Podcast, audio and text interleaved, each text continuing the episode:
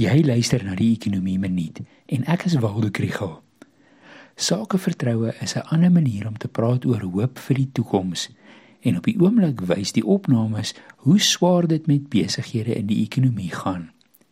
Hierdie episode word ondersteun deur Predictive Insights en die NWI Sakeskool.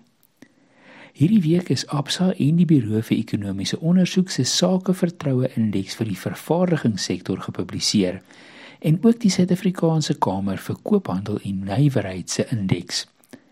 Albei indekse is baie laag in die tweede kwartaal en wys dat sakemanne en vroue is ontevrede met die besigheidsomgewing.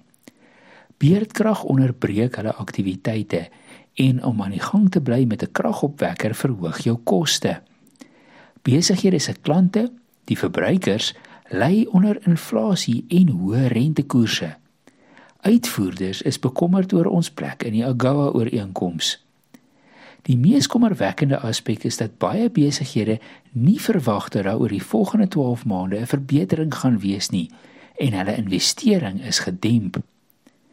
Die nuwe krisiskomitees met uitvoerende beamptes uit die privaat sektor en hoë vlak regeringsamptenare gaan fokus op misdaad en korrupsie, Eskom en Transnet.